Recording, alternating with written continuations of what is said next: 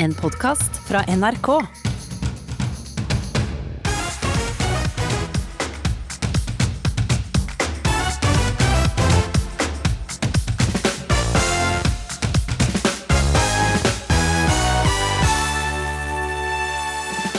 Det er som kona mi sa det, Da hun så den kontinentalkista, så sier hun 'Den skal jeg ha', sa Og da sa jeg 'Den får du ikke'. For den er prisa til 41 500. På Kongsvinger lokker et nyåpna gravferdsbyrå med gratis gravferd til de som skunder seg å dø. Geir Lippestad får et krasjkurs i hvordan starte nytt politisk parti, fra ei som veit hvor mye arbeid som kreves. Og dette blir ei jævlig bra sending, for banneforskeren møter språksjefen i NRK til bannedebatt. Du hører på Ukeslutt i NRK P1 og P2. Jeg heter Håkon Haugsbø, og vi skal selvsagt til USA og snakke om hvordan den sittende presidenten der kan bli den sengeliggende presidenten. Nå skal vi sveive i gang denne høstferieutgåva av Ukeslutt. Ja, det strammer seg til også for USAs president Donald Trump, som ble innlagt på et militærsykehus i Maryland i natt, syk av korona. Og i dag er det altså én måned til presidentvalget i USA. Tove Bjørgaas, velkommen til ukeslutt. Du er nylig heimkommen fra valgkampdekking i USA. Hvor syk er president Trump? Ifølge legen hans i Det hvite huset så er han ikke veldig syk. Han, har, han er forkjøla, han har lav feber, og han er lagt inn på sykehus som et ekstra forsiktighetstiltak, heter det fra Det hvite hus. Han har fått også behandling med denne ebolamedisinen som heter remdesivir, eh, som har hjulpet en del koronapasienter til å få et kortere sykdomsforløp. Ja, hva behandling får presidenten på militærsykehuset som vanlige amerikanere ikke får på andre sykehus? Han blir jo eh, holdt under oppsikt i en veldig veldig tidlig fase av eh, sitt, sitt koronaforløp. Han har jo ikke blitt veldig syk ennå.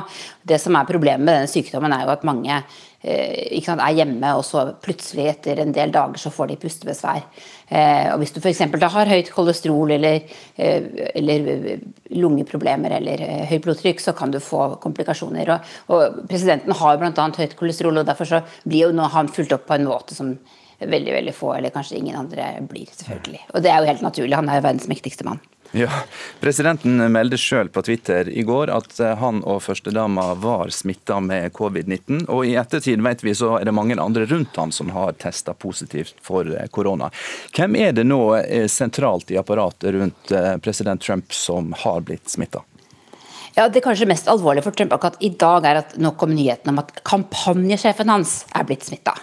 Bill Steffen han er 42 år gammel, og han leder altså valgkampen til president Trump. I tillegg så er den viktigste presserådgiveren hans, Hope Hicks, hun, er, hun ble smittet. og Det ble jo meldt før Trump ble smittet.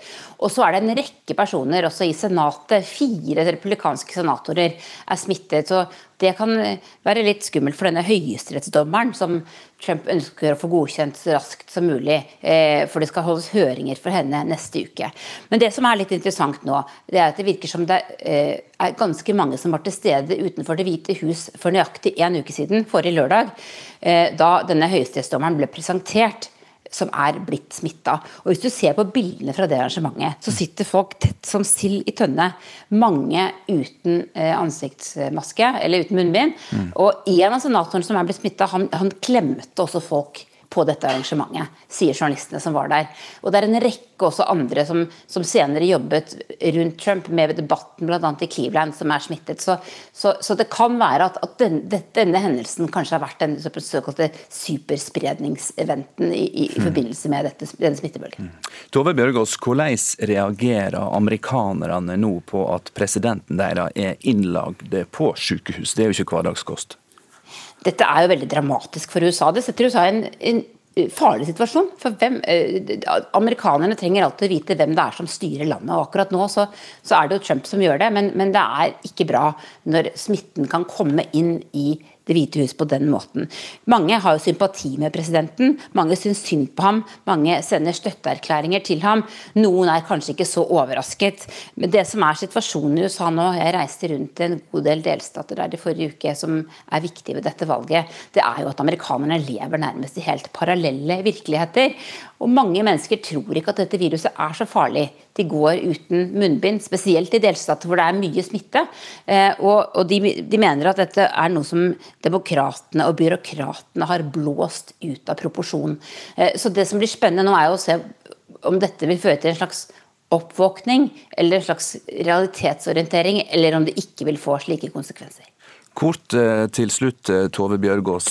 Det, det, som nå skjer med president Trump, kan det bidra til å skape en farligere situasjon enn det mange mener at det allerede er? Ja, jeg tror det kan skape enda mer ustabilitet i USA. Så er det jo, som, som jeg sier, et slags sikkerhetsproblem også for verdens mektigste land at ledelsen nærmest blir satt ut av, av spill. Men USA er oppe i en veldig pressa situasjon nå med dette valget. Folk er allerede i ferd med å stemme. Mange tviler på gjennomføringen av valget. Det er utrolig mye usikkerhet. Mange sier, som jeg har snakket med, at de har våpen hjemme og er klare til å forsvare landet dersom det ikke er klart hvem som har vunnet presidentvalget om nøyaktig en måned. Dette gjør ikke ting enklere for amerikanerne. Verdens mektigste mann, den amerikanske presidenten Donald Trump, er syk, smitta av koronaviruset. Og dette er mannen som har kanskje det største apparatet rundt seg for å sikre liv og helse. Og Nå skal vi se på hva som står av apparat parat for presidenten, Halvard Sandberg, utenriksmedarbeider i NRK. Hva er det slags rigg rundt USAs president? Han har jo alltid rask tilgang til ambulanser. Er han på reise, så er det en eh, ambulanse med. Det kan ikke alltid at du ser dem, for de ser litt sånn anonyme ut. Han har alltid et legeteam med seg. Det har amerikanske presidenter. Når han er på Air Force One, så etter hva vi forstår, så hvis han da får et hjerteproblem, så kan de faktisk begynne å operere han der. Altså De kan få gjøre inngrep om bord i flyet. Det er egen, satt opp en egen sykestue for det. Han er da beskytta overalt mot da alt som kan tenkes å skje. Og så har han Secret Service-vakter i hopetall som er trente og betalte for å ta kulene for han. Ja, det er jo en annen ting. Når vi tenker på sykdom eh, og eh, smitte og skader og lignende, så, så skal man kunne greie å virkelig gi topp maks hjelp med en gang til en, eh, til en president som trenger det. Og dette militærsykehuset som han nå er lagt inn på, det har jo stått klart for han lenge? Ja, men det er slik det er. det er. En av deres roller er å være, alltid være klar for å ta imot eh, presidenten.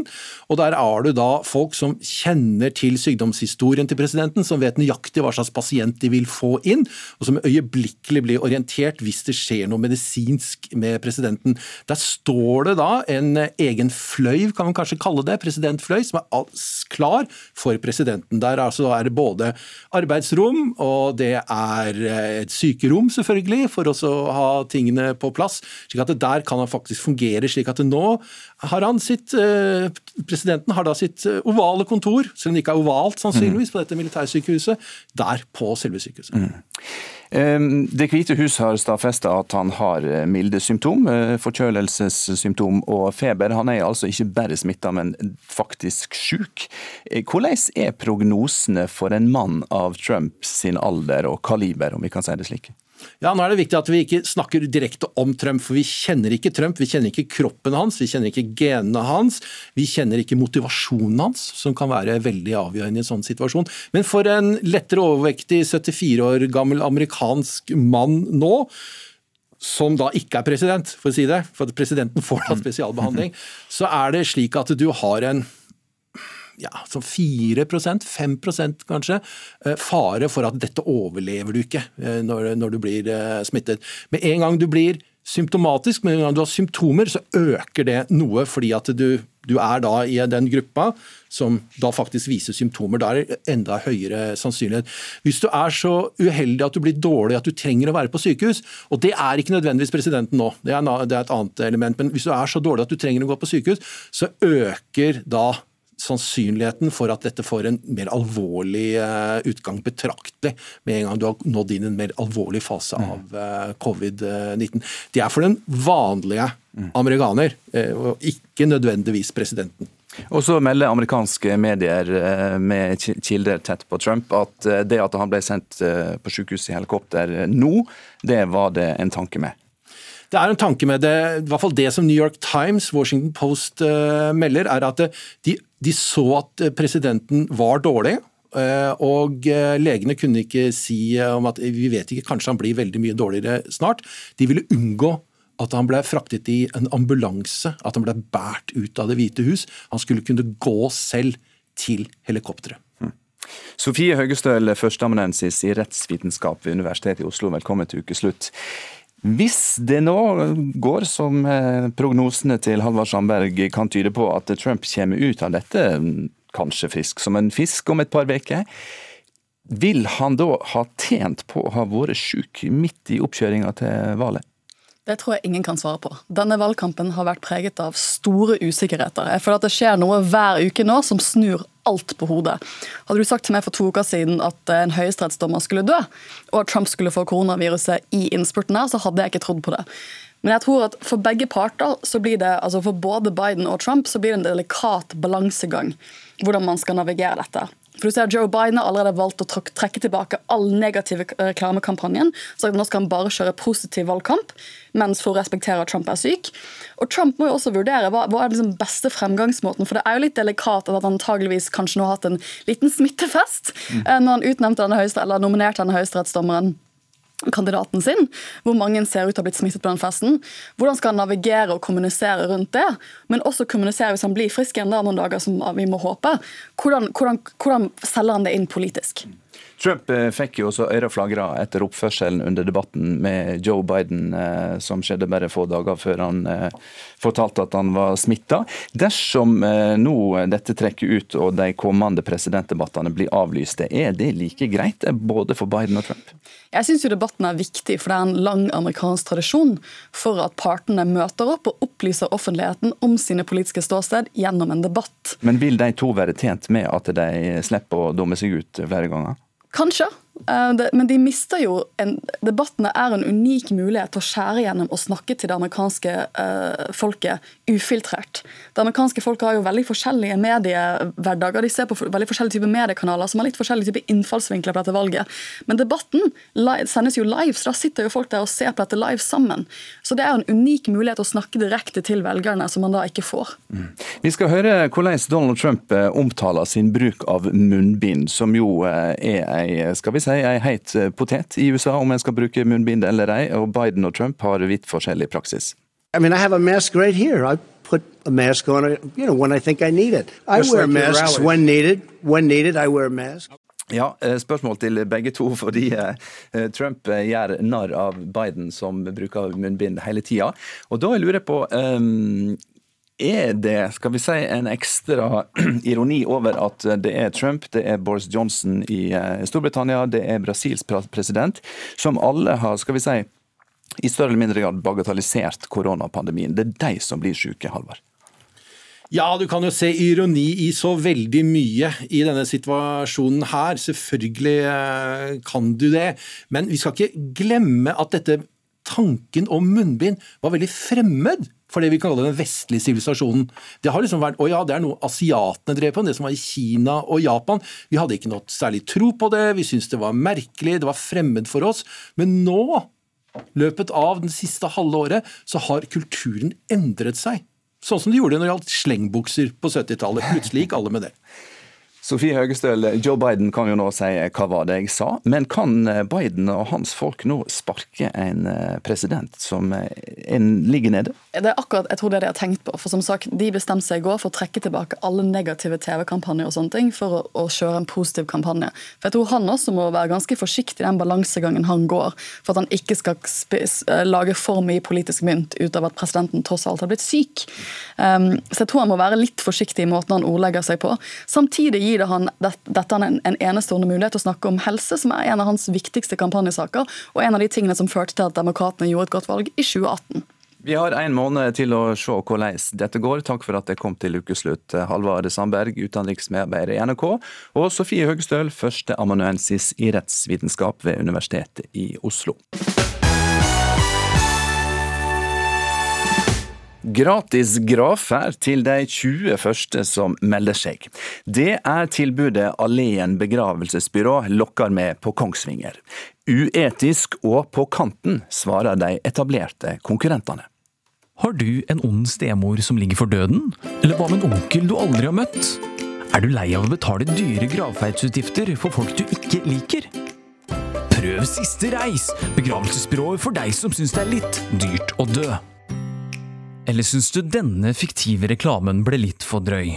Å reklamere for gravferdstjenester er ikke hverdagskost, og det var nok flere som satt kaffen i halsen da de kom til en helsides annonse i avisa Glåmdalen forrige uke. Åpningstilbud gratis gravferd. Åpningstilbudet gjelder fra frem til og med 11. oktober. Se vår hjemmeside for betingelser. De 20 første som står klare til å sette spikeren i kista, får altså en gratis begravelse. Leserinnleggsskribenten Sunde skriver videre. Min kommentar. Hvor går egentlig grensen for aggressiv annonsering? Jeg håper inderlig ikke å få bruk tilbudet. Øystein Sunde, pensjonist Magnor. Og pensjonisten fra Magnor er ikke den eneste som reagerer på lokketilbudet fra Kongsvingers ferskeste gravferdsbyrå. Dette er vel egentlig litt på kanten, både etisk og ja, markedsføringsmessig. Ottar Skaslien har i nesten 30 år drevet Kongsvingers begravelsesbyrå Grønlund AS sammen med sin bror Morten. Jeg hadde aldri trodd at noen skulle komme med en sånn annonse, men uh, altså, jeg har jo vært borti han som driver byrået før. og han virker som en hyggelig person, men jeg syns det var en merkelig måte å starte et byrå på med, med, med reklame der. De syns nye gravferdskonkurrenten kunne spart seg for slik markedsføring. Her er det inget sjokksalg, og selv ikke kona til Morten Skaslien skal få noen særbehandling. Nei, det er som, eh, det er som kona mi sa. Det, da hun så den kontinentalkista, så sier hun 'den skal jeg ha', sa Og da sa jeg 'den får du ikke'. For den er prisa til 41 500. For det er dyrt å begraves. Det etablerte begravelsesbyrået i Kongsvinger frykter ikke for konkurransen, men som Ottar Skaslien sier, hva blir det neste? Kilopris på svigermor? 80 kroner kiloen for din svigermor. Det er på tide å besøke nykomlingen på gravferdsmarkedet i Kongsvinger, nemlig Alleen begravelsesbyrå. Det vi ser etter, er jo hva konkurrentene våre tilbyr på samme steder. Og da var det egentlig forholdsvis lett faktisk når vi tittet rundt og velge Kongsvinger. Frank Vikne er altså mannen bak tilbudet som har vekket liv i gravferdsbransjen i Kongsvinger. Vi, jo, vi var usikre på om vi turte å gjøre det, for det er et veldig ømfintlig tema. Men vi, tok, vi pratet sammen alle vi på, på, jobben. Vi hadde en liten avstemning på de alternativene vi kom opp, og vi pratet til og med noe utestående òg, bare for å føle oss litt fram hva folk eh, kom til å tro og tenke om, om dette. og sånn. Men hva syns egentlig folk flest om dette tilbudet? Rett utenfor på Otilies kaffebar får vi svaret. Det, det høres ikke bra ut, det der. Nei da. Det er sånn, I dag er jeg 75 år, altså. Og da kan jeg fort havne der, og da koster det ikke fem øre for kjerringa å dra meg bort. Kunne du tenkt deg å benytte av det? hvis det var det? Nei. Jaggu skal de få betale. jeg skal eh, liksom spres over alle vinder, jeg, da, skjønner du en dag det ikke er østavær. For da blåser jeg til Sverige, og det skal vi ikke ha noe ta. Meningene er altså delte. Å sette pris på de døde er ikke en enkel sak. Det har daglig leder i Alén begravelsesbyrå fått erfare. Det, det, har faktisk vært noe av utfordringen vår hele tiden. Det med at vi er såpass mye rimeligere enn konkurrentene våre. Folk tror de får noe, et mye dårligere produkt og tjenester enn, enn det man gjør. Alleen begravelsesbyrå har flere filialer rundt om i Norge, og for noen har tilbudet på Kongsvinger vært lokkende. Eh, vi har jo hatt noen som har brukt oss allerede. To stykker eh, i løpet av den uken som, siden vi gikk ut. Og de eh, er veldig fornøyd. I denne bransjen får du bare én sjanse, og Vikne tror det fort vil ta to år før de får etablert seg ordentlig. Men vil du rekke tilbudet de har nå, så har du dårlig tid. Det er ikke noen som da skynder seg litt ekstra for å Jeg håper ikke det. Vi har iallfall ikke lagt merke til det foreløpig. i alle fall, Så eh, det håper vi ikke. Og gjengen ute på gata har foreløpig ingen planer om å dra ut kontakten litt tidligere. Ja, For det er jo tilbud bare til 11. oktober, så ja, man må jo være rask ute. Da, da, blir ikke, da blir ikke det meg, for å si det sånn. Absolutt ikke. Ja, reporter på Kongsvinger var Philip Johannesborg. Å starte et nytt parti er en galmannsøvelse, sier mannen som nå fronter partiet Sentrum. Geir Lippestad kommer straks til ukeslutt for å få et krasjkurs i partistifting. Og den andre politiske avhopperen denne veka kommer litt seinere. Jan Bøhler skal gjøre Senterpartiet og partileder Trygve Slagsvold Vedum sterkere. Velkommen på laget, Jan. Jeg begynte å ta armhevinger i går. Jeg skal begynne å ta pullups i helga, for jeg har sett at eh, du har litt større bicepser enn meg. Denne veka fikk Norge et eh, splitter nytt politisk parti, bygd bl.a. på restene etter den såkalla røde sida i det omdiskuterte veivalget i Kristelig Folkeparti. Politikk og pølser, vet vi, blir laga etter oppskrifter vi helst ikke vil vite om. Men hvordan i all verden går en fram for å bygge et politisk parti fra ingenting til stortingsplass? Velkommen til dette krasjkurset i partibygging, advokat og tidligere byråd for Arbeiderpartiet Oslo, Geir Lippestad. Tusen hjertelig takk. Har du kjøpt kopimaskin og T-skjorte nå? Du, jeg bruker og vi bruker eh, det vi har fra før. Så, så, nå er det dugnad og frivillighet, og vi jobber eh, kveld og morgen og utenom arbeidstiden, for da har vi andre jobber. Så vi bruker alt vi har av krefter og ressurser. Og det er jo selvfølgelig ikke penger, for det har vi ikke, men vi bruker det vi har av krefter i oss. Ok. Velkommen også til deg, Lise Askvik. Du har jo erfaring fra politisk gründervirksomhet siden ja. du har bygd opp Helsepartiet. Hva er det første Geir Lippestad og gjengen må huske på nå? Jeg tror Geir har ganske god oversikt. For det første er jo selvfølgelig lovenverket. Hva er det lovverket sier om hvordan man skal starte et parti? Og da begynner man med 5000 signaturer. Mm. Det er Geir fullstendig klar over. Og det å gå ut på gater og torg og få 5000 signaturer first hand, det nytter ikke å få en hilsen på Facebook. Du må ha folk til å skrive under, du må stå hvor du er, du må stå dato, du må ha fødselsdato. Ja, det er mye arbeid å samle 5000 signaturer, men det er ikke umulig. Og jeg må si at jeg syns det er kjempebra at det nå kommer flere partier på banen. For at dette er demokratiets sikkerhetsventil. Dette viser at ved det norske langbord så er det en del mennesker som sitter nederst ved bordet. De blir ikke hørt av de store. De store partiene svikter, og da trenger vi nye partier. Sentrum blir et sånt nytt parti, og Helsepartiet er også et sånt parti. Men Lisa Askvik, i tillegg til alle disse 5000 underskriftene, som vel må være eh, noen i hende allerede i mars, så han har dårlig tid? Nei, lenge før det. Du må sende det inn før første i første eh, i 2021. Da må vi høre med deg, Lippestad. Tror du at dere klarer det? 5000? Det som er den største utfordringen vår nå, det er den digitale tidsalderen, rett og slett. Fordi eh, vi har fått altså så mange mail om folk som ønsker å stå på den lista og sier bare sett oss opp, men det fyller ikke lovkravene. Det må rett og slett komme i post, signert på et brevark. og det er Ungdom og den type ting er veldig uvanlig. For. Veldig analogt. Så, så, så, så, det som vi nå gjør, er å kontakte alle de mange mange, mange som har tatt kontakt digitalt, og si at de må gjøre dette på dette skjemaet. Så det vil jeg også si her og nå. De som ønsker å, å se oss starte, må rett og slett gå inn på, på, på partisentrum.no og, hente et skjema. kniper jeg deg av. Lisa Askvik, hva er det vanskeligste med å starte et uh, nytt parti? Er det å stake ut politisk kurs, eller er det å bygge selve organisasjonen? Politikken, altså Geir har vært i politikken lenge, og både han og jeg og mange andre vi ser hva det er som mangler. Uh, og Det mangler mye humanisme, det mangler mye omtanke for hverandre. Det blir veldig mye penger og tall i Norge, og det blir altfor lite omtanke for hverandre. Så politikken har Geir inne, det er jeg helt sikker på, uh, og partiet Sentrum. Men det å få folk til å jobbe sammen, det å starte organisasjoner, det å få samspillet til å fungere Du vet, eh, Geir sier at det er mye frivillig innsats, men det kommer til å ende opp for deg som for meg. Du må betale hele moroa sjøl. Du får ikke noe støtte for å starte parti, du må bruke av egne sparepenger, og du vet ikke om du får igjen en eneste krone, men det gjør du, for du får støtte 100 kroner per stemme hvis du får flere enn 5000 stemmer. Så det er jo håp om at han får igjen noen av de pengene man legger ut, men det er ikke noe hjelp i demokratiet i dag for å starte et parti. Så det ene er økonomien, du må ha medlemssystemer, du må selvfølgelig ha systemer for kommunikasjon med medlemmene, du må ha et system for kommunikasjon med mediene. Du må ha folk som fungerer sammen, folk du kan stole på. Og det er sånn at Når du setter ut en lykt i mørket, så kommer det jo både vakre sommerfugler og illsint mhm. veps. Og da må du skille litt eh, hvem som er hva, og hvem som er med deg for politikkens skyld, og mm. hvem som er med for sin egen skyld. For det kommer alltid noen sånne også. Mm. Hvordan ligger dere an med det relativt omfattende apparatet som Lise Lisa Askvik beskriver?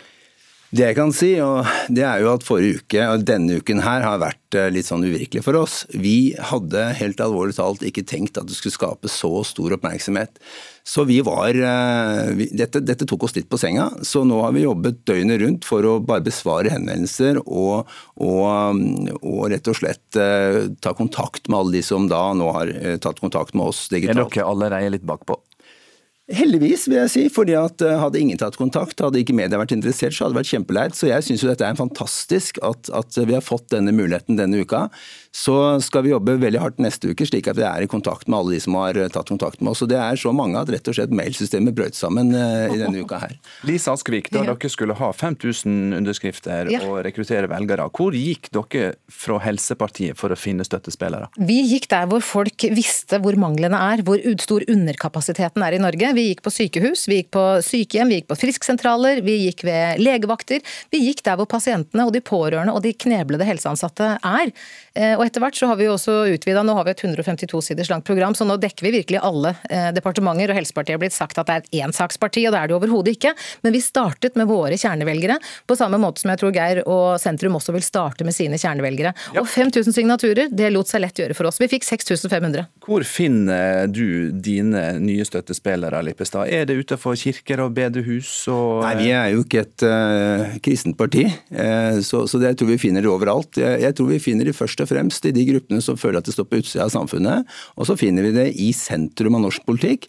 Så finner vi det i de gruppene som er opptatt av klima, og opptatt av vårt internasjonale ansvar. Og så selvfølgelig også de som tenker at ja, det er fint å ha mange gode saker, men vi må også ha inntekter i landet fremover. Så vi har både snakket mye om næring og eierskapspolitikk. Så, så vi finner det blant mange Det er mange erfarne politikere, eh, politikere som har tatt kontakt med oss de siste ukene, og det, det er vi glad for.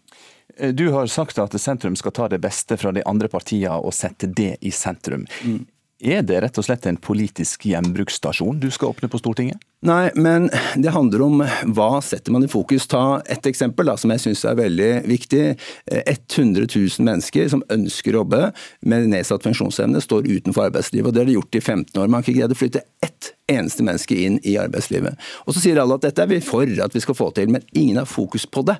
Eh, og jeg sier at kampen for utenforskap det er vårt DNA. Vi har ikke råd til eh, å ha 100 000 mennesker utenfor arbeidslivet, og vi har heller ikke råd til å ha et samfunn hvor ikke tar, som tar vare på mennesker som som faller utafor. Se nå i koronatiden, da har vi fokus på hvor mange som er smittet hver dag. Se hva det gjør med oss på, som samfunn. Hvis vi har like mye fokus på hovedsakene våre, så får vi endringer til.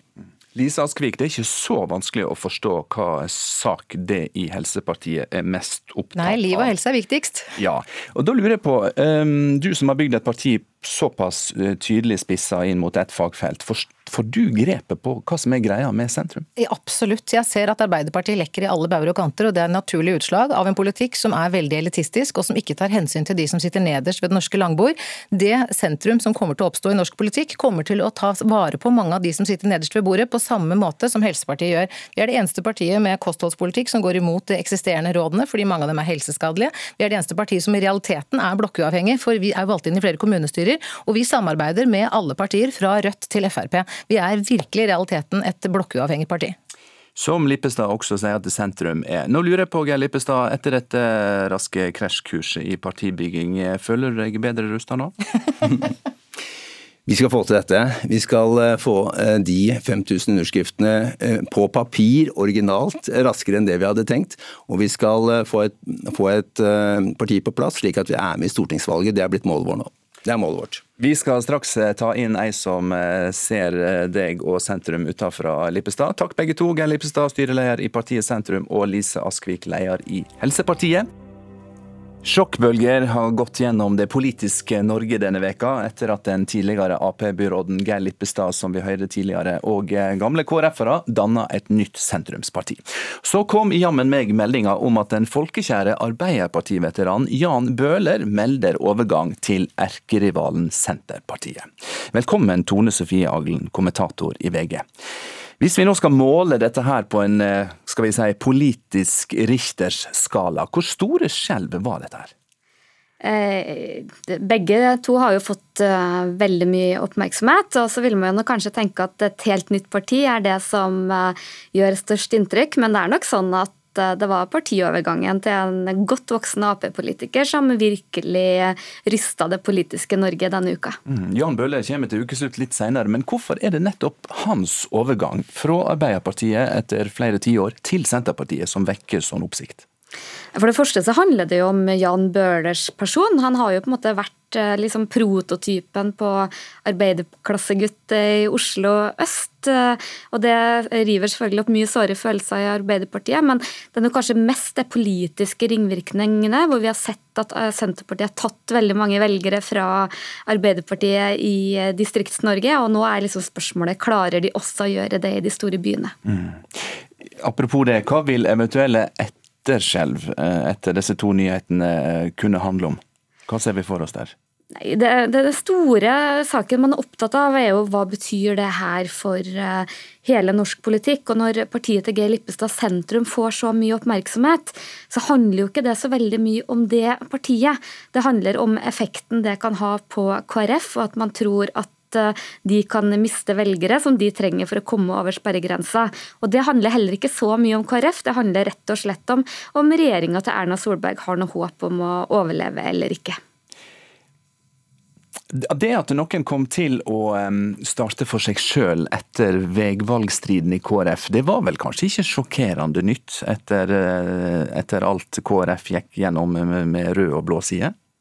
Det har man jo venta på. og De har jo oppretta sitt eget nettverk òg, men så har jo det gått ganske mye tid, og man har fått inntrykk av at de fleste sårene har lega seg, og at det har roa seg. Så jeg tror nok at mange trodde at eh, det der burde ha kommet for, eh, for en del måneder siden, og ikke nå, da. Så det var jo overraskende tross alt, og ikke minst at det var en eh, Arbeiderpartipolitiker som toppa det. Mm. Men når du las gjennom det som finnes av politisk program fra sentrum, eller i alle fall en slags skisse til det, så skriver du i VG at det er nesten så du kjenner englevingene vokse på ryggen og glorien lyse over hodet. Ja, det er jo et parti som er eh, særdeles velmenende. De bygger jo på FNs uh, bærekraftmål og er opptatt av å utjevne alle forskjeller, løse klimaproblemene, eh, ta vare på verdens fattige. Og jeg tror liksom Noe av det første man opplever i politikken, er at politikk handler faktisk om å prioritere. Men jeg tror kanskje den største utfordringa til både sentrum og også Helsepartiet, som vi nettopp hørte, er at det er lett å si at det er veldig mye fin politikk der, men de er kanskje for lite spissa på konkrete saker til at jeg tror at de klarer å ha noen veldig gode muligheter til å lykkes. Geir Lippestad som fronter sentrum, han eh, har jo en skal vi si, sterk og tydelig profil i norsk offentlighet. Jan Bøhler har en sterk posisjon i Groruddalen i Oslo. Kommer velgerne til å følge disse to, altså følger velgerne enkeltpersoner, eller følger de partiprogram? Norge er eh, ganske spesielt sånn at Eh, at partiene er viktige. Eh, mye viktigere enn vi kanskje tror, for vi har en tendens å snakke veldig mye om enkeltpolitikere. Men både Geir Lippestad med sin bakgrunn, og også Jan Bøhler med den posisjonen han har bygd over mange år, det er politikere som er i stand til å, å mobilisere utover det er mye mer ukjente personer ville klart. Vi får se hvor det går. Det er jo ett år til stortingsvalget i Norge. Tusen takk Tone Sofie Aglen fra VG for at du kom hit. Nå er det tid for nyheter her i Ukeslutt med Vidar Eidhammer. Og du starta med den store utenrikssaka i dag, Vidar. Donald Trump sin sykdom. Natt ble det jo kjent at Trump er innlagt på et eh, militærsykehus for å få behandling for covid-19. Trump eh, sa selv i en video før han eh, dro til sykehuset at han tror dette går bra. Nå er det natt eller tidlig morgen i USA, så de siste timene har det ikke kommet all verden med oppdateringer om saka. Men det som er blitt klart, er at flere i den nære kretsen kring presidenten også er koronasmitta. Før det ble kjent at uh, Trump hadde fått viruset, var det altså en rådgiver som testa positivt, og nå kan i alt 13 tilfeller bli knytta til Det hvite huset. Flere av disse var til stede på arrangementet i Rosehagen, der um, Trump presenterte ny kandidat til høyesterettsdommer. Hva som nå skjer videre med både valgkamp og den faktiske styringa av landet, er litt uklart, men ifølge en talsmann så skal Trump holde fram med å jobbe fra sykehuset. Ja, og Her hjemme har regjeringa lagt penger på bordet for å redde et hus på Vestlandet. Og det er ikke hva hus som helst, men eh, nemlig villaen til Ole Bull på Lysøen utenfor Bergen. 8,5 millioner kroner satt av til akuttrenovering, kunngjorde kulturminister Abid Raja i dag. Villaen har eh, nemlig blitt utsatt for både mus og biller og fukt og råte, og er i svært dårlig stand. For de som ikke husker det, så var Ole Bull en eh, stjernefiolinist på 1800-tallet som turnerte med stor suksess både i Europa og USA og han bodde på Lysøen til han eh, døde i 1880. Takk for dette, Vidar Eidhammer. Jan Bøhler, Senterpartiets nye kraftkar i hovedstaden, han kommer straks til oss i ukeslutt. Senterpartiet skal vise muskler i hovedstaden, når de nå får Arbeiderpartiveteranen Jan Bøhler med på laget, og på stortingslista ved valget neste år. Overgangen slo ned som ei bombe tidligere i veka, men ble feira som ei gullsignering i Senterpartiet. Såpass at partileder Trygve Slagsvold Vedum har sendt oss denne hilsinga til sin nykapra partifelle. Velkommen på laget, Jan. Jeg begynte å ta armhevinger i går. Jeg skal begynne å ta pullups i helga, for jeg har sett at uh, du har litt større bicepser enn meg. Det er et nederlag, så jeg har litt å jobbe med. Men utenom det å gjøre det, så håper vi kan reise litt rundt, møte folk, om det er i Finnmark eller Groruddalen. For nå skal vi sørge for at vi har politi nær folk, at vi skal løfte vanlige arbeidsfolk. Jeg gleder meg til å jobbe sammen med deg, og jeg gleder meg til å bli litt sterkere. God helg! Ja, Velkommen, Jan Bøhler fra Senterpartiet i Oslo. ja. Hvordan vil Trygve Slagsvold Vedum merke at han har fått ny politisk muskelkraft i hovedstaden? Vi er eh, så på bølgelengde som jeg, jeg kan nesten ikke få sagt det. Vi, han var, har jo vært med meg rundt i Groruddalen og jeg har diskutert saker som jeg har vært opptatt av i alle år, og som Trygve nå mer og mer har sett at er viktige, ikke bare for Oslo, men for hele landet. Så jeg tror Trygve kan oppdage noen nye viktige ting som Senterpartiet kan eh, nå bli bedre til å ta tak i. og Det er jo mitt håp, da, at vi skal uh, få kraft i det vi gjør, eh, særlig for østkanten i Oslo. Du kom inn i studio her med sakene dine i bærenett fra Senterungdommen, Jan Bøhler. Hva blir det viktigste politiske skillet på deg som senterpartipolitiker? Jeg tror det viktigste blir den likheten. Altså at jeg nå, nå kan, eh, forhåpentligvis får muligheten til å jobbe i fire år til for de sakene som gjelder eh, Eh, som er aller viktigst for folk her i byen, som jeg har jobba for i alle år, og som jeg håper å få er sikker på at jeg vil få Senterpartiet nå kraftig i ryggen på. Så jeg skal være gjenkjennelig i, i åra framover. Men det er vel ikke alt du har sagt og meint som du nå kan si og mene som Senterpartipolitiker. Hva er det du må gi deg sjøl munnkorg på nå? Ja, jeg har ikke oppdaga noe ennå. Jeg har diskutert med Trygve, så er det veldig mye av det som jeg har sagt, det er ikke alt det de har eh, jobba med, men som de er interessert i. Og som de har sagt til meg i dag og på de første møtene vi har hatt, at det, dette vil de gjerne gå mer inn i og sette seg inn i og bli med på. I løpet av denne veka har mange ønska deg lykke til, Jan Bøhler. Men du har også blitt kalla årsak-uttrykket 'jævla svikar'. Eh, Arbeiderpartiveteran Torbjørn Berntsen sa til NRK at eh, det tidvis virker som om du er mer opptatt av å vise overarmene dine enn å drive politikk. Hvorfor tror du at overgangen din vekker så sterke reaksjoner? Jeg eh, må si at jeg ikke forstår det, fordi at jeg har eh, lagt vekt på eh, nå å si at eh, jeg ikke vil si noe som helst negativt om mitt gamle parti, og at jeg hadde håpet vi kunne skilles som venner. Og jeg har ønska dem lykke til. Jeg mener at eh, Eh, ved valget til neste år så er det Senterpartiet og Ap som skal danne regjering sammen, og da må begge partier også lykkes framover. Så jeg har ikke skjønt det, for jeg har lagt opp til en, en veldig, veldig sånn tone at eh, nå er vi nå, vi skal fortsatt være venner, og, og jeg har fått veldig mange også, det må jeg understreke, altså fra meldinger og telefoner og beskjeder fra folk som jeg kjenner i Arbeiderpartiet, som er mine bestevenner der. Og, og, dem er det mange av på grunnplanet, som har sagt at de har forstått meg, og at jeg ga en bra begrunnelse osv. Så, videre. så der er ikke bare de skjellsorda, det er mange andre mer hyggelige meldinger jeg har fått. Vi skal høre en i alle fall tidligere venn fra deg. Eh, vi skal høre fra Dagsnytt 18 på torsdag hvorfor Steinar Sjaghaug, tidligere byråd for Arbeiderpartiet i Oslo, reagerte med sjokk og sinne på partiskiftet. Her er det en som har lurt meg. Har han, slik jeg opplever det, eh, drevet et dobbeltspill hvor han da har snakket med Senterpartiet om å stille på den lista samtidig som vi har jobbet for at han skal inn på Arbeiderpartiets liste. Ja, du kunne ha fått femteplassen på Oslo-lista, sier din tidligere partivenn eh, Steinar Saghaug. Eh, hvorfor ville du ikke ha den? Det er en del uker siden nå som jeg hadde siste prat med Steinar og, og en til, hvor, hvor jeg eh, konkluderte med at det ikke var noe å gå videre på ut fra hvordan situasjonen var. Jeg la jo da ut en melding når jeg fikk brev fra nominasjonskomiteen, siste melding, om, om at jeg ikke Eh, ville stille til valg for Ap i Oslo. Så etter det så tror jeg det har vært veldig klart for alle eh, at jeg ikke kom til å stille opp for Arbeiderpartiet. Du var også i dialog med Pensjonistpartiet. Har du drevet en slags politisk speeddating, Jan Bøhler? Nei, de, jeg var veldig, veldig oppmuntra. Men når jeg sa det 4.7 at, jeg, at jeg ikke ville stille til valg for Arbeiderpartiet neste periode, så var det mange, mange, altså til sammen så var det jo tusener som kontakta meg via meldinger og kommentarer og på gata osv. Og, så og mange av dem hadde forslag til hva, hvordan jeg skulle kunne fortsette. Og Da var det forskjellige varianter.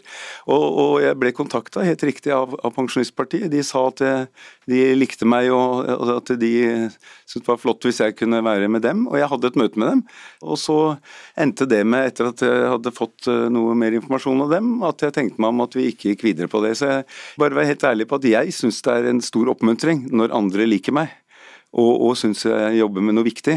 Og så er det sånn at jeg da ja, da snakker jeg med folk, og så fant jeg ut at de ikke gikk videre på det. Og det, det er ikke noe jeg har noe problem med å fortelle. Vi starta jo med velkomsthelsing fra din nye partileder Trygve Slagsvold Vedum. Hvis jeg eh, får utfordre deg eh, på å sende ei avskjedshelsing til Arbeiderpartiet, hvordan høres den ut? Jeg håper at vi kan eh, skilles eller være i hver våre partier nå som gode venner. Og, du håper det, men tror du på det? Jeg har fått veldig mange meldinger fra folk på grunnplan i Ap, også folk i stortingsgruppa osv., som er veldig hyggelige mot meg, og som sier de tar avstand fra den ordbruken som enkelte har hatt. Så jeg tror på det, at eh, det går an å skilles som gode venner. Og eh, vi skal jobbe sammen for eh, at det skal bli skifte ved valget neste år.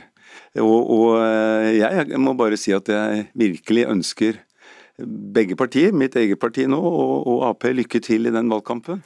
Jan Bøhler, takk skal du ha for at du kom til ukeslutt. Det kan jo være at enkelte av dine tidligere partivenner i Oslo Arbeiderparti ville ha sagt det med Sondre Lerche I can't see myself without you.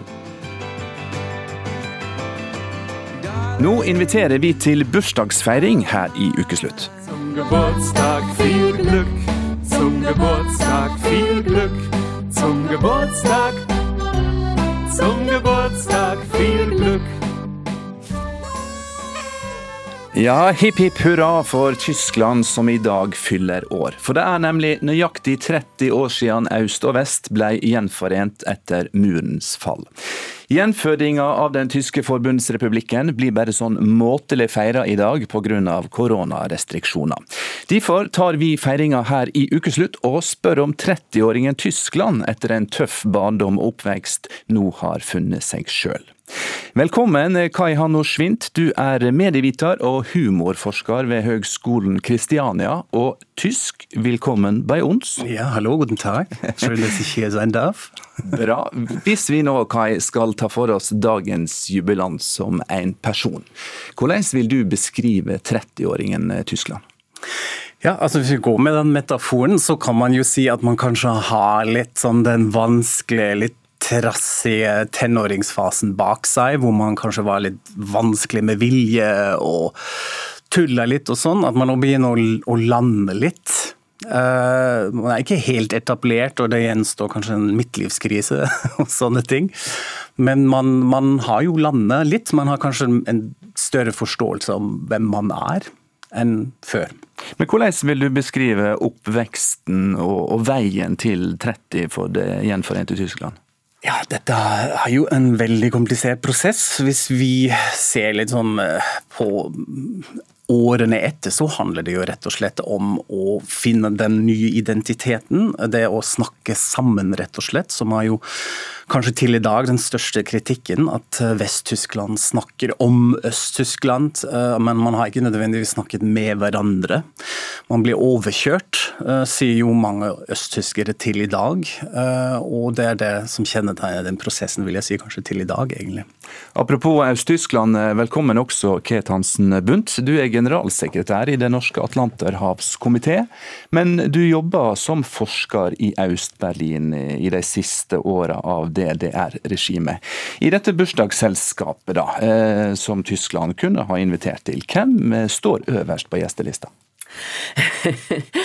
Hvis vi tenker de internasjonale vennene, så er Tysklands DNA er på mange måter multilaterale organisasjoner.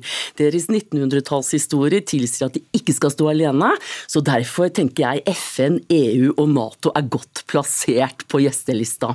Om det er eh, de som sitter og eh, leder disse organisasjonene, det skal ikke være sagt. Men innenfor EU så er også Frankrike en prioritert venn for tyskerne. Så jeg vil tro, eh, selv om Merkel og Emmanuel Macron ikke nødvendigvis klikker helt, så vil de uh, sitte ved bordet. Hva tenker dama uh, Noen om amerikanere, kanskje Obama i stedet for uh, Trump. Han er jo forhindret fordi han har fått korona.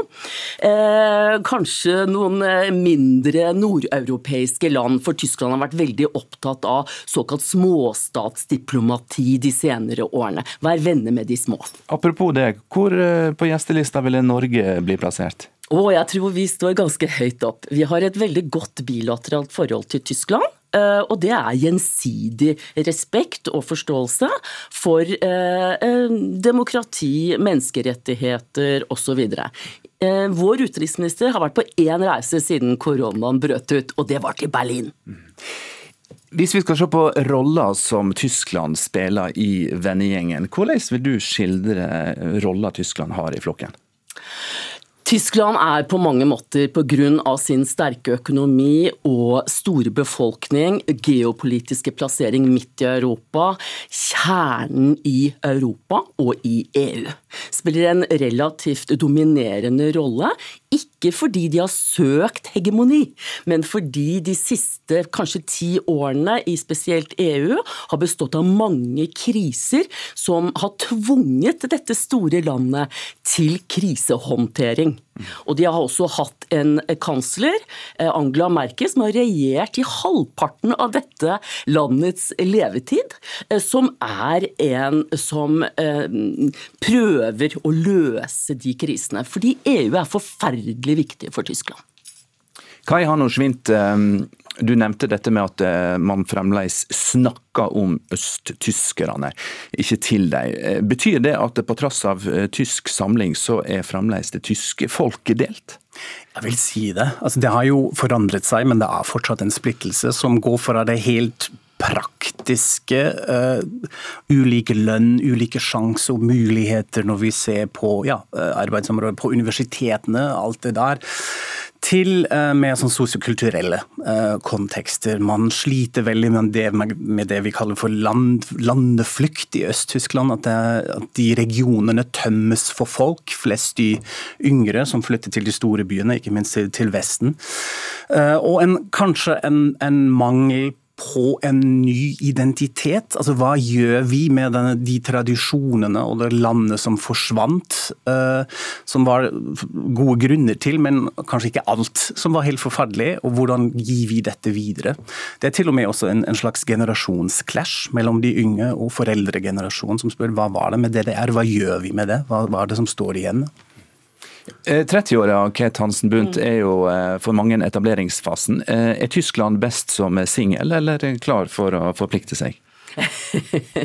Tyskland har jo forpliktet seg eh, nettopp ved at de jobber gjennom organisasjoner, søker kollektive løsninger hele tiden. Det så vi i sommer, hvor man gikk et skritt videre for å få på plass den politiske overbygningen av fellesvalutaen i Europa og hjelpe søreuropeiske land til å komme over eh, koronakrisen og få til økonomisk stimuli i Europa. Men på mange måter de er litt single når det gjelder bruken av militærmakt.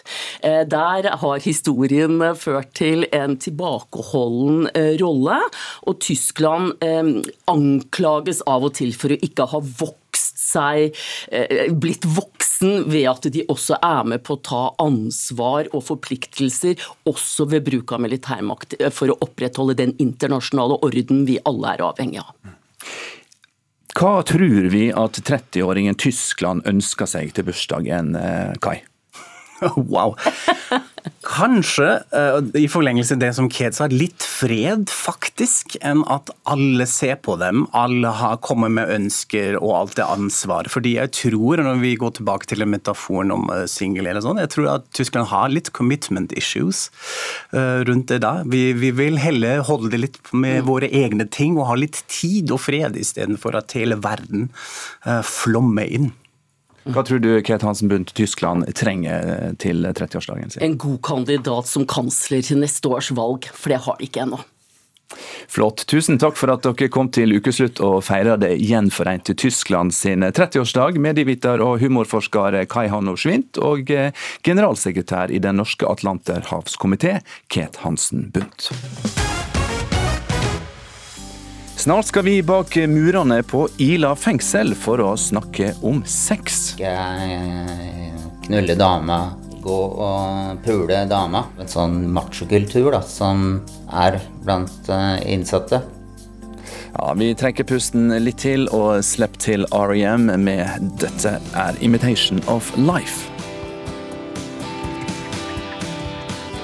Sarte sjeler må stålsette seg nå, for bannskap er neste tema her i Ukeslutt. Fy faen for ei bøtte med mannskitt.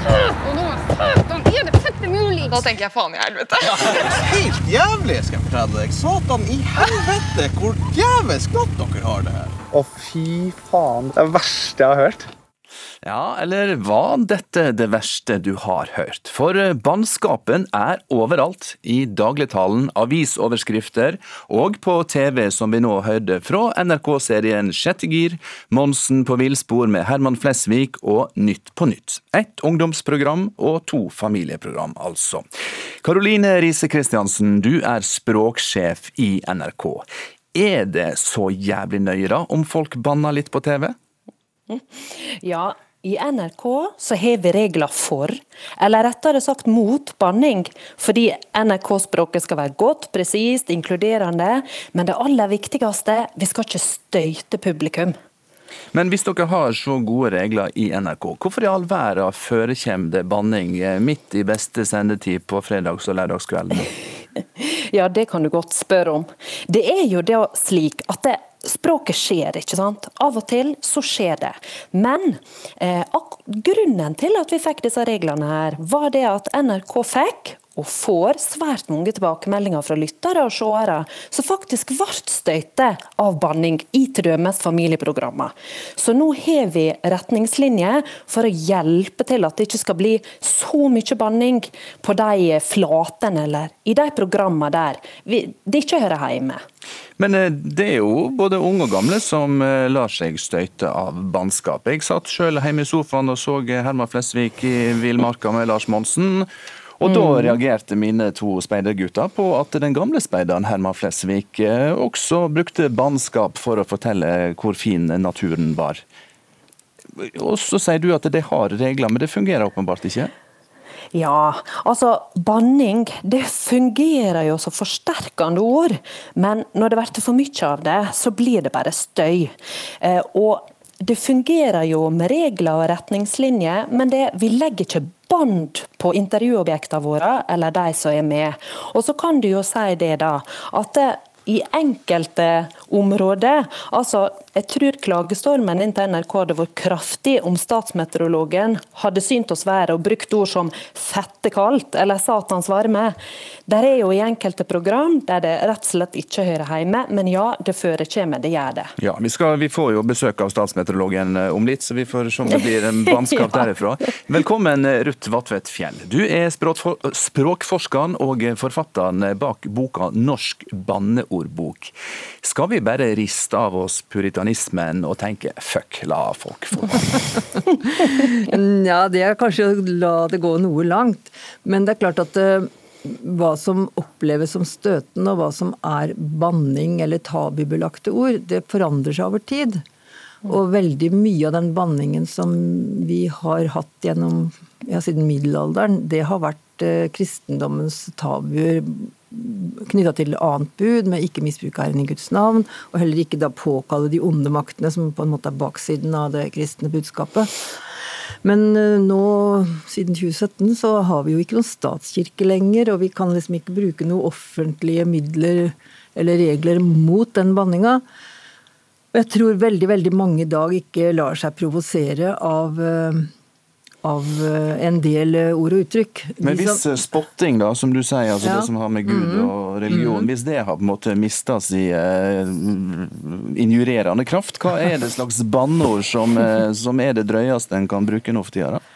I dag så går banning, og den sterke banninga, det som vi føler selv er ubehagelig å si i et program som dette f.eks., Ja. det går jo på kjønnsliv og på seksualitet, og først og fremst på kvinnen, kontroll av kvinners seksualitet. Altså negative ord på kvinner som er seksuelt utagerende, som det kalles, eller som i hele tatt har et seksualliv. Eh, Menns seksualliv, det er greit, men kvinner, det er altså hore og, og forsterkninger av det uttrykket der, som brukes veldig mye. Du har jo via ditt eh, forskerliv til bannskap, Ruth Vatvedt Fjell. Er banning viktig i språket vårt? Det er nok et viktig middel for å få markert følelser. Det er jo sterke følelser, og derfor tenker jeg litt på dette du nevnte med værmelderen også. Han har jo ikke sterke følelser som regel.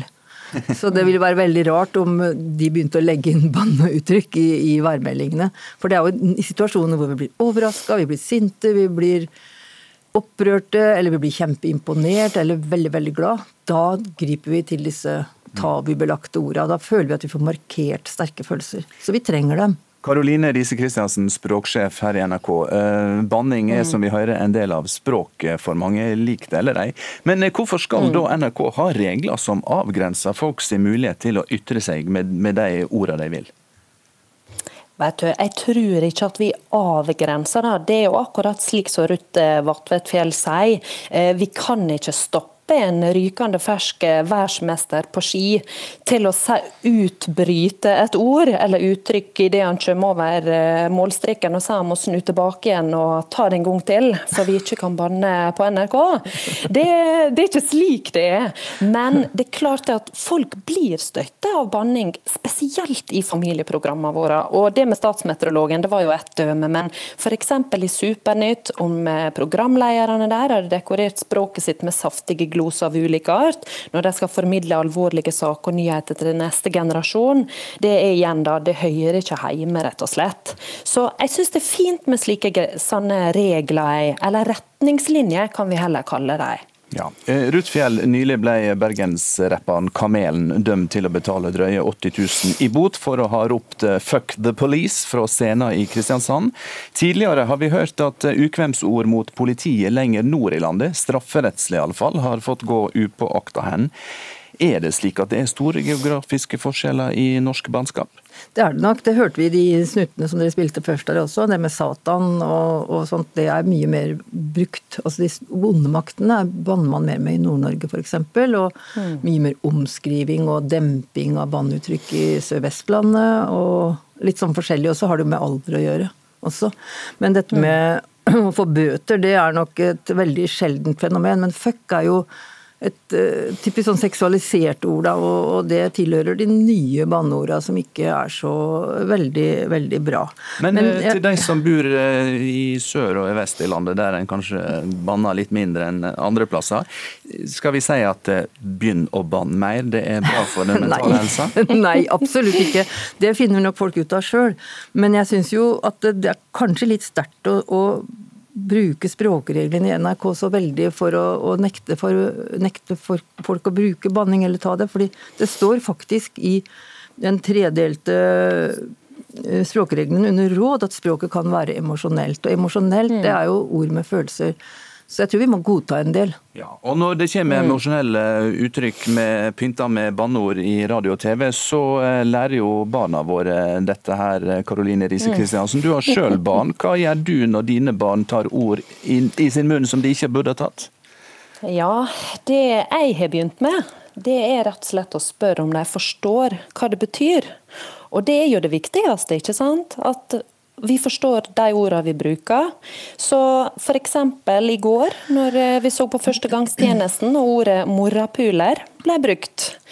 Og det var rasende festlig, ikke bare ordet, men i sammenhengen. Så sier jeg ja, Veit dere hva det betyr? Og så forklarer jeg disse to guttene mine på 10 og 11 i detalj hva det egentlig står for. Da blir de både så flau og overraska at jeg er sikker på vi unngår bruken av det ordet.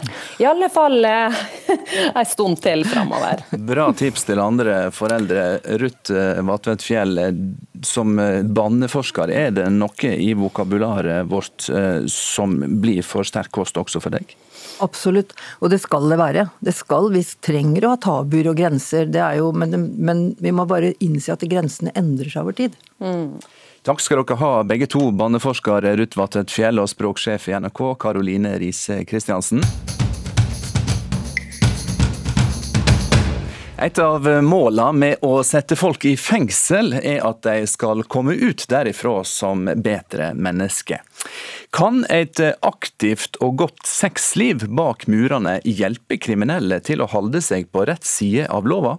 Reporter Runa Leinan tok med seg mikrofonen og det spørsmålet inn på Ila fengsel. Nå skal jeg knulle dama.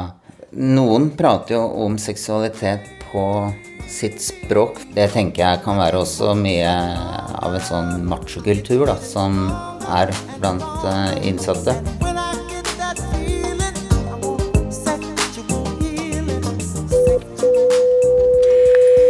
Jeg skal møte Tommy, som sitter i Ila fengsel i Bærum. Han er innsatte-representant i pilotprosjektet Seksualomsorg i kriminalomsorgen. Prosjektet ønsker å bedre den seksuelle helsa til dem som sitter bak lås og slå. Til å begynne med så forsto jeg jo ikke helt eh, bredden av hva det handlet om. Det ble veldig klart for meg etter første prosjektgruppemøte. Og dette er jo et tiltak som eh, fremmer en helhet eh, vedrørende innsattes helse. Tommy er kledd i mørke klær og har et tynt sølvkjede rundt halsen.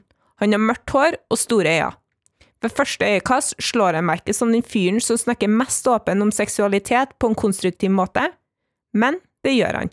Å skalere det, hva man savner mest, det kan variere fra tider på døgnet og hvordan man føler og har det akkurat da.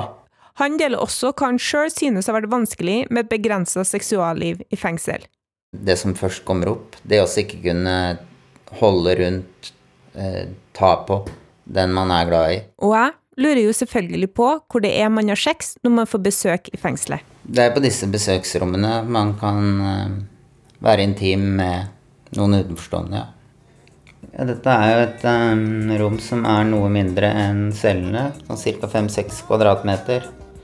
En gammel tresetter skinnsofa. Og en uh, litt stusslig grønnfarge på en vegg. Det her, ja på besøksrommet i skinnsofaen hvor Tommy sitter, hvor både gamle bestemødre, ekskjærester og foreldre har sittet når de har vært på besøk. Det er jo ikke den uh, romantiske og uh, intime atmosfæren man opplever av rommet, da. Og om det i utgangspunktet er vanskelig å ha sex på en gammel skinnsofa i et lite sjarmerende besøksrom i et fengsel, så har koronapandemien gjort det nesten umulig. Nå har det vært en koronapandemi som har også gjort at man må sitte med avstand. Det er noe Tommy og kjæresten hans har kjent på. Altså ikke selve bare den seksuelle samleiebiten, men det med nærhet. Når man har vært sammen en stund, vi har vært sammen i flere år, så blir det veldig unaturlig når vi sitter og holder den avstanden. Og da er klart savnet etter nærhet, ta på hverandre, at det, det forsterkes. Og mangel på sex, det kan man kjenne på kroppen. Tommy er nok neppe den eneste som har kjent på det. Man opplever jo det som en ekstra belastning. Det å ikke da få tilfredsstilt de grunnleggende behovene ethvert menneske har, det gjør jo at tider man kanskje er litt mer, litt mer dyster i tankene sine. Ikke så sprudlende, da. Hva tenker dama di om det? Det har også gjort meg bekymra ved flere anledninger om min partners altså psykiske helsetilstand, for jeg har merka at hun har slitt flere ganger. Koronatiltak er noe som er belastende på alle, men når man bor i samme husstand, så finnes det jo ingen begrensninger på hva slags nærhet og seksuell omgang man kan ha. Men når man sitter i fengsel, burde ikke et begrenset seksualliv bare være en tilleggsstraff? Det er mange som kanskje hører på dette her som vil tenke at ja, men herregud, folk sitter i fengsel. Skal de på toppen av det hele ha sex? Det burde man ha tenkt på før man kom inn. Det her er Sylvia Høiborg. Hun er sexolog og jobber sammen med Tommy med prosjektet. Man skal ut en gang og være så velfungerende som man kan. Og da er jo det med seksuell helse, fysisk helse, psykisk helse viktig. Høiborg sier at den positive seksuelle atferden ikke får så mye oppmerksomhet i fengsel. Det er heller mer snakk om f.eks. overgrep og lignende. Det er jo mye fokus på det man nå kaller skadelig seksuell atferd. Men vi tenker jo at du må jo ha et alternativ. da, Positiv seksualitet. Kjærlighet. Um, hudkontakt. Da Tommy først prøvde å spre prosjektets glade budskap i fengselet, var det ikke bare enkelt. Men nå har han fått lønn for strevet. Først ble jeg møtt veldig mye fleip, men ved å gjenta det samme budskapet på den samme måten, så opplevde jeg at den kurven dala veldig ned. På det siste prosjektgruppemøtet vi hadde, så hadde jeg også med flere spørsmål som hadde kommet fra innsatte jeg ikke kjenner. Hva kunne det spørsmålene være, f.eks.?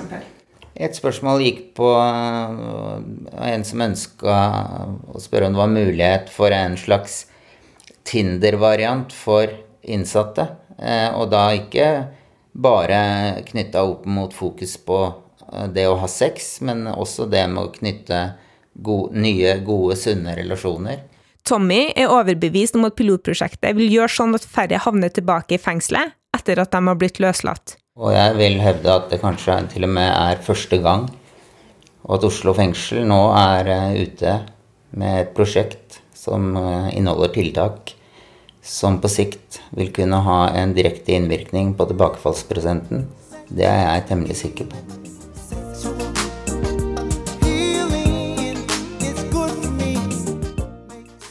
Reporter var Runa Leinan. Denne sendinga er ved vegs ende. Ansvarlig var Ina Swan. Teknisk ansvarlig Hanne Lunås. Jeg takker for at du hører på. Om du vil oppdatere deg på helsetilstanden til den koronasmitta presidenten Donald Trump, kan du gjøre det på nrk.no. Der finner du også Ukeslutt som podkast eller som eh, klipp i nettspillene. Håkon Haugsbø takker for at du hører på, og sier god høstferie. Du har hørt en podkast fra NRK. Hør flere podkaster og din NRK-kanal i appen NRK Radio.